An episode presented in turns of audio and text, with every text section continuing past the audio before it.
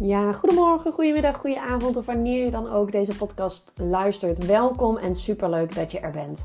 Ik ben Lavinia Rip en ik ben Droombusiness Coach. Ik help ambitieuze moeders te groeien met een online droombedrijf door een winstgevende online droomstrategie te creëren die bij hen past, die bij jou past, zodat jij meer rijkdom in jouw leven realiseert. In deze podcast neem ik je mee in de wereld van online ondernemen. Denk je bij aan jouw droomklant, e-mailmarketing, short-term en long-term online marketing tools, maar waar we naast alle strategieën ook tijd besteden aan een succesvolle online ondernemers mindset. Ook deel ik mijn eigen ondernemersreis. Waar loop ik tegenaan? Wat zou ik de volgende keer anders doen? En wat ging er supergoed? Ik hoop dat ik jou kan inspireren en helpen om van jouw dromen werkelijkheid te gaan maken. Heel veel luisterplezier. Doei doei! Ja, superleuk dat je weer luistert naar een nieuwe aflevering van de Lavinia Rip podcast. En ik weet niet of je me al langer volgt. Uh, mocht je me vorig jaar ook al elke dag in je oren hebben gehad, dan weet je dat ik op woensdagochtend altijd uh, bij het Skurken werk. Dat is het restaurant op Kempenhagen, waar ik lekker met mijn laptop ga zitten. is lekker een rustige plek. En dat is ook op het terrein waar de school van mijn dochter zich bevindt. En dat is voor mij een, eh, een ideale combi. Ik moet ochtends anders een half uur heen, een half uur terug. En het is woensdag natuurlijk een halve dag.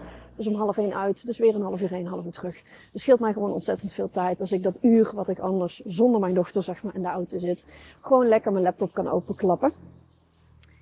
En als ik dan van 9 tot 12 of kwart voor 9 tot 12 zo'n beetje achter mijn laptop heb gezeten, heb ik ontzettend veel behoefte om lekker even te gaan lopen. En het terrein van Kempenhagen heeft ook een ontzettend, uh, het is een heel groen terrein. En het is de kinderboerderij waar ik nu langs loop. En op dit moment schijnt het zonnetje lekker naar heel veel regen. En er komt nog heel veel regen aan. Dus ik geniet op dit moment van een lekkere wandeling over het terrein. Om vervolgens bij de schoolplein, bij het schoolplein uit te komen om mijn dochter te gaan halen. En woensdagmiddag is een van de uh, dagen dat ik gewoon niet werk. Uh, mocht het zo zijn dat zij een vriendinnetje te spelen heeft, dan prima, dan klap ik mijn laptop wel even open als ik daar zin in heb. Maar de woensdagmiddag en avond ben ik gewoon echt vrij. Dat is voor mij echt wel een. Uh, dan, dan, dan plan ik echt niks in. En dan, dan wil ik er gewoon zijn voor mijn dochter. En um, ook wel weer meteen een mooie om te benoemen misschien. woensdagmiddag ga ik echt altijd leuke dingen doen met mijn dochter. En de woensdagavond, uh, in mijn geval vanaf half vijf, is echt een non-negotiable. Dan ga ik paardrijden. Ik heb sinds een aantal weken, maanden inmiddels alweer, mijn eigen paard is eigenlijk gewoon op mijn pad gekomen. Ook wel interessant om te vertellen, ook omdat deze podcast gaat over dankbaarheid. en um, ik heb uh, jarenlang uh, datzelfde paard, zeg maar, Vici. Ik zal het maar even bij het naamje noemen, dat is iets makkelijker. Dus ik heb Vici al, uh, ik zal heel eerlijk zeggen, ze heette Avicii. Moi. en ik zei toch al vaak al Vici of Vici, dus ik bombardeerde lekker naar Vici. Ik heb Vici al een paar jaar als leasepaard, zo heet dat dan. Hè? Dus ik ben bijrijder, net als een leaseauto. Je betaalt gewoon de, de eigenaresse een, een x-bedrag. En je spreekt af hoe vaak je gaat rijden. Nou, in mijn geval mocht ik erheen wanneer ik wilde. Dus wat dat gaat, is er niet heel veel veranderd sinds ik het gekocht heb. Maar haar eigenaresse ging verhuizen, emigreren. Uh, voor een langere periode. Ze wist, ze komt waarschijnlijk wel terug. Maar uh, wanneer is onduidelijk. Dus het was voor haar niet logisch om een paard in Nederland uh, te houden. En had ze dus gevraagd, ja goed, wil jij haar dan kopen? En uh, nou, zo gezegd, zo gedaan. Nou ja, zo makkelijk was het niet. Want ik heb er wel echt eventjes over na moeten denken. Want ik had, het was niet per se mijn intentie om een eigen paard te hebben. Uh, ik vond leasen fijn en leuk. En je had natuurlijk ook gewoon... En het was goedkoper. Hè? Je had er minder kosten aan. En minder verplichtingen natuurlijk ook onderaan de streep. Want als er iets mis is, uh, dan ligt natuurlijk nou alles op jouw bordje. Maar ik wilde haar niet missen. En wat ik terugkrijg op zo'n uh, woensdagmiddagavond en vaste prik zaterdag. Ja, dat vind ik gewoon goud. Dat, dat kan ik nergens anders op die manier uh, die ontspanning zeg maar vinden. Uh, lekker met haar buiten zijn, lekker het bos in, lekker de bak in, lekker logeren. I don't care. Gewoon met haar bezig zijn, is voor mij echt gewoon gedachten op nul. En uh, voor degenen die mij een beetje kennen, mijn gedachten staan bijna nooit op nul. ik ga altijd door en ik sta altijd aan. En dat vind ik ook heerlijk. En zeker ook met de, de stress en de spanning die uh, de zorg voor mijn dochter met zich meenemen, is het juist nog extra fijn om af en toe een momentje te hebben. En in mijn geval dus minimaal twee keer in de week een moment te hebben waarop ik gewoon echt eventjes helemaal kan loskoppelen van, um, nou ja goed, van alle zorgen die er zijn. Dus ik heb mijn paard uh, toegekocht en ze staat nu op dezelfde stal en alles is gewoon nog hetzelfde. Alleen ze is nu van mij en inmiddels heb ik ook weer een hele lieve bijrijdster gevonden die mijn paard dus weer rijdt twee keer in de week. Ik hoop als het zometeen weer wat lekkerder weer is. Want we hebben geen binnenbak op de stal waar ik sta. Ik sta een heel klein stalletje. Maar dat vind ik juist heel erg fijn. Uh, dus ik hoop dat het weer, weer een beetje echt lente gaat worden. Zodat we uh, weer lekker ook uh, weer naar buiten kunnen. Zonder dat we niet kunnen rijden. Zonder dat we niet kunnen rijden omdat het regent, zeg maar. Maar goed, daar hadden we het niet over. De woensdag is dus voor mij gewoon echt wel een dag dat ik smiddags lekker met mijn dochter ben. En s'avonds lekker me-time heb. Echt gewoon lekker gaan rijden. En als ik thuis kom heb ik ook altijd een lekker break. Zo lekker de week wijntje of biertje of iets. kom ik thuis, pak ik lekker mijn drankje. En daarna ga ik op mijn gemak koken. En dan komt mijn man ook ergens een keer thuis van het sporten. En dan eten we lekker samen. En dat bedoel ik dus ook meteen met dankbaarheid. Uh, mensen in general kunnen gewoon heel erg snel klagen. En nou, je hebt klagen en klagen. Je hebt klagen wat je zeg maar niet zelf in de gaten hebt. En je hebt klagen waar je je wel bewust van bent. Nou ja, het bewustzijnsklagen, dat hoef ik je denk ik niet, niet te gaan uitleggen. Maar het onbewustzijnsklagen is best wel. Uh, ja, weet je, het kost gewoon ontzettend veel energie. Klagen kost energie.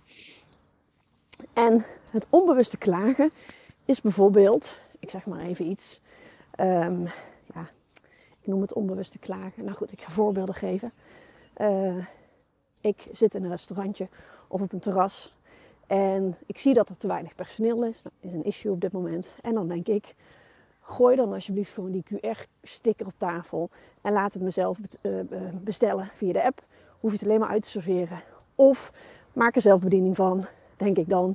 En dan denk ik op dat moment dat ik bijvoorbeeld slim aan het denken ben als ondernemer, omdat ik denk dat, dat het restaurant daar beter mee af zou zijn en daardoor dus uh, meer omzet kan genereren. Maar onbewust ben ik dus wel aan het klagen. Want ondertussen zit ik bijvoorbeeld aan het tafeltje te wachten tot mij iemand komt helpen. En dat duurt allemaal lang. En dat bedoel ik eigenlijk een beetje met dat onbewust klagen. En uh, je merkt het misschien ook wel eens dat je bepaalde vrienden hebt die ook zo lekker onbewust kunnen klagen. Uh, of die altijd eerst ja, de negatieve dingen benoemen. Hoe was je dag? En dan eerst allemaal hoop shit over je heen. En dan vraag je, heb je ook nog iets leuks meegemaakt? Oh ja, en dan eh, hebben ze iets heel vets, uh, weet ik veel, uh, gedaan. En ik ben een positief mens, een optimistisch mens. En mijn klas is altijd half vol. En um, dat is prima als je dat niet bent, zolang je er maar geen last van hebt. Of, zodat je, of dat je omgeving er geen last van hebt. Nou, en anders ga je dat vanzelf merken. Maar het stukje dankbaarheid is ook iets wat in het ondernemerschap echt wel heel erg belangrijk is. Als je bijvoorbeeld, ik zeg even, je allereerste masterclass gaat geven. En die masterclass, je hebt er echt, waarvan je, wat je denkt in ieder geval, je stinkende best voor gedaan om te promoten. Het is een live masterclass, je hebt er helemaal zin in, het onderwerp is helemaal, alles is fantastisch. En het loopt niet lekker. Het stroomt niet lekker. Nou, dan kan het aan allerlei marketingtechnische dingetjes liggen, zeg maar. Hè? Maar goed, stel dat je dan toch besluit, ik ga door. En uiteindelijk heb je nou, drie mensen live in je masterclass. Dan kun je twee dingen doen. Of je kan een soort van zak en as gaan zitten en balen en klagen. En, en ik heb maar drie mensen en ik had er, uh, weet ik veel, tien verwacht. Hè. Ik hoop dat je verwachtingen ook altijd wel goed zijn dan. Maar ik vind dat je het andersom mag bekijken. Want ik vind elke volger, elke persoon die mijn e-book downloadt, iedereen die zeker bij een masterclass aanwezig wil zijn bij jouw masterclass. Tijd is je kostbaarste bezit. Dus die persoon heeft daadwerkelijk tijd vrijgemaakt om bij jouw masterclass te zijn. Ja, daar mag je gewoon fucking dankbaar voor zijn. Dat er überhaupt drie mensen naar jouw verhaal willen luisteren. Wat daarna ook de uitslag is. Wat de conversie, wat de sales ook gaat zijn daarna. Maar dat er überhaupt drie mensen jouw masterclass willen volgen. En dat kun je ook zeggen. Nou, ik ben echt super blij dat jullie er zijn. En ik, ik draai het om. Ik zou dan zeggen: het is, jullie hebben echt dik geluk dat jullie maar met z'n drieën live zijn. Want daardoor kan ik jullie ook daadwerkelijk heel goed gaan helpen.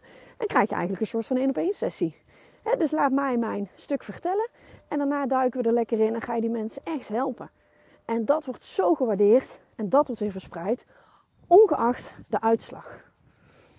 Dus, en dit is dan een voorbeeld van een masterclass met drie mensen. Of in ieder geval mindere mensen dan je had gehoopt. Maar ik denk dat als jij vanuit overvloed en dankbaarheid uh, zo'n masterclass ingaat, dat dan misschien zelfs voor alle drie die mensen gaan kopen. En dan heb je dus gewoon een 100% conversie. Want iedereen heeft gekocht. Nou, dat percentage dat heb je niet hoor, als je 100 man in je masterclass hebt. Ik zeg maar even iets. Dus het, het, het, stukje dankbaarheid, zeg maar. En wat een leuke gewoonte, of wat, wat leuk is om te oefenen voor jezelf. Stel dat jij nu merkt, na deze podcast, van... Oh, ik ben inderdaad best wel een beetje een klager. Dat is met gezegd. Uh, tuurlijk mag je af en toe gewoon even lekker klagen. Maar wat dan een hele fijne is om te doen, is om na elke klacht, of hoe zeg je dat dan? Na elk klagend ding van je, om daar iets positiefs tegenover te zetten. Dus je dankbaarheid daarvoor uit te spreken.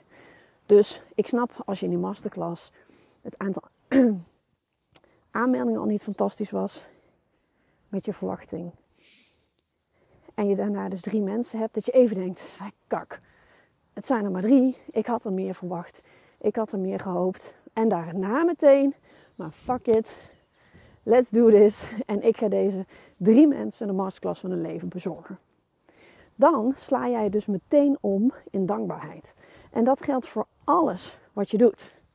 Dus als ik op dat terrasje zit en ik denk, oh jongens, het kan allemaal beter, sneller, vlugger, uh, gas erop. Kun je daarna meteen omdenken en zeggen, oh, heerlijk hè, dat ik gewoon eventjes iets langer op het terrasje in de zon mag zitten.